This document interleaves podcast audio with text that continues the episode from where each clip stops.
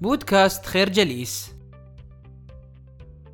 قسم أرسطو الخيرات في حياة الإنسان إلى ثلاثة أنواع.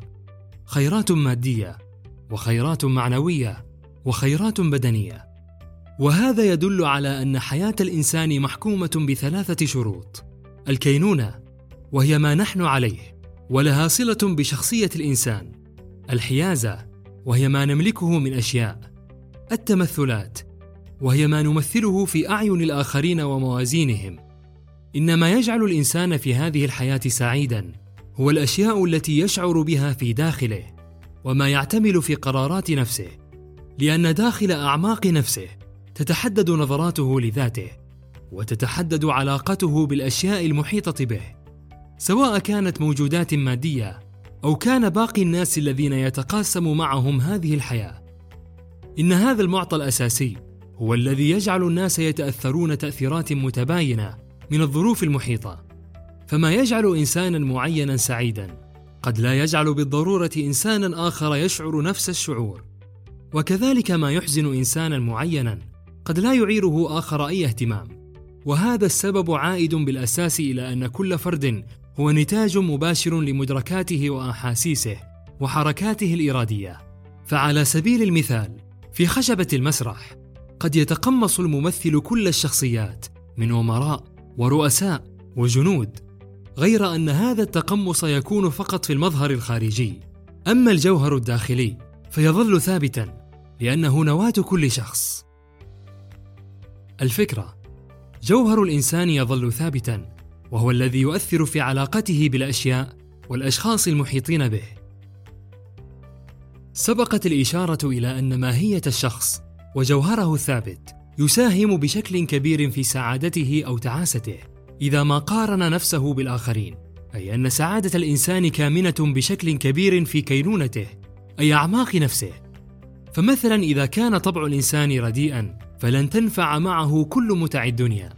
لهذا مهما كان حظ الإنسان حظا سعيدا أو حظا عاثرا فهذا لن يؤثر في رضاه إلا في حالات معينة. لأن أهم شيء هو كيف يتفاعل الإنسان مع هذه الأشياء. فالعامل الأساسي الذي يحدد سعادتنا من غيرها هو ما يكون داخل نفوسنا ويساهم بشكل كبير في صوغ علاقتنا بالأشياء. أما كل العوامل الأخرى فهي عوامل ثانوية في تحديد سعادة الإنسان. لهذا هناك مثل يقول الطبع يغلب التطبع وكي نطور كينونتنا أو ما تختزنه نفوسنا وجب علينا أن نميل إلى الدعابة لأن لها تاثيرا مباشرا على تحقيق سعادتنا. فالمنشرح لا تعوزه ابدا دواعي انشراحه إذ أن الدعابة سبب كاف لتحقيق قسط كبير من الفرح الداخلي. فكلما حل الفرح يجب أن نقابله بالترحاب والاستقبال الحسن. وبدل التردد في استقباله علينا الاحتفاء بمقدمه لأنه هو الأقدر على منحنا جرعات من السعادة من الصعب أن نجدها في عالمنا المعاصر. اذا يمكننا أن نخلص إلى أن السعادة ليست لائحة ممتلكات فيلات سيارات أو أسفار كما يتوهم البعض. بل إنها هذا الثراء الداخلي ثراء العقل والروح الذي بقدر ما يرفع صاحبه ويفرحه بقدر ما يبعده عن الملل ومسبباته. الفكرة ماهية الشخص وجوهره الثابت. يساهم بشكل كبير في سعادته أو تعاسته.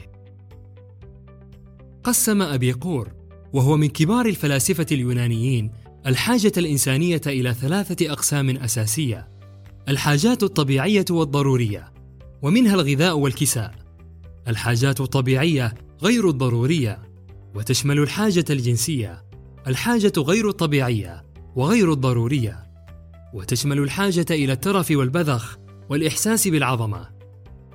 ما يجب أن نشير إليه في هذا الصدد هو أن هناك تفاوتا كبيرا بين الناس في درجات الرضا عما يملكونه. لأن الملكية من عدمها لا تقاس بمقادير نسبية تتحدد من خلال العلاقة الموجودة بين الأمان والثروة. فمثلا الثروة والخيرات التي لم يحدث الشخص نفسه بها ولا تمناها في قرارات نفسه لن يشعر بحرمانه منها بل يشعر بالرضا الكامل في حالة غيابها عنه. أما غيره ممن يمتلكون هذه الخيرات فسيشعرون بالحرمان في حالة انعدامها أو نقصانها. لهذا فالمجهود الذي يبذله الإنسان ليرفع من سقف تطلعاته وأمانيه وتوقعاته هو مصدر كل السخط الذي يشعر به. الفكرة تفاوت الناس في درجات الرضا عما يملكونه هو سبب سعادتهم أو تعاستهم. كل مشاكلنا النفسية ومصائبنا الداخلية التي تصيبنا بالهشاشة وعدم القدرة على مواصلة الطريق تنبع من أننا سجناء لآراء الآخرين فينا ومن الأمور التي ينبغي الانتباه إليها بشكل كبير هي أنه ينبغي أن يكون اهتمامنا بأحكام الآخرين علينا اهتماما ضعيفا. إذا ما أردنا أن نحافظ على سلامتنا النفسية والمشكلة أنه بالرغم من أن الإنسان يدرك بأن الاهتمام بأحكام الآخرين له انعكاسات سلبية إلا أنه يستسهله دون إدراك خطورته وصعوباته.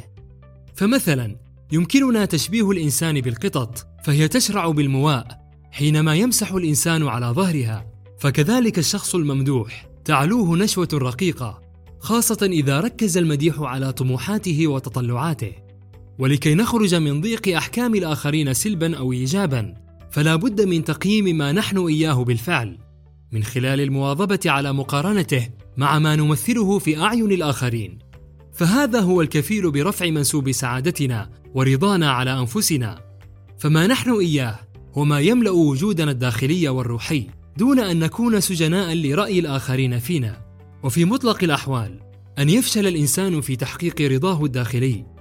ووجوده الروحي ويبحث عنه لدى الآخرين لهو البؤس الشديد فهو بذلك يستعيض عن الواقعي بالخيالي والحقائق بالتهيؤات والأوهام. لذلك فإدراك الإنسان لهذه الحقيقة البسيطة في الوقت المناسب من شأنه أن يحقق له الخير الكثير والنفع الوفير ويجلب له كل مسببات السعادة الأبدية. الفكرة خفض درجة اهتمامنا بأحكام الآخرين علينا.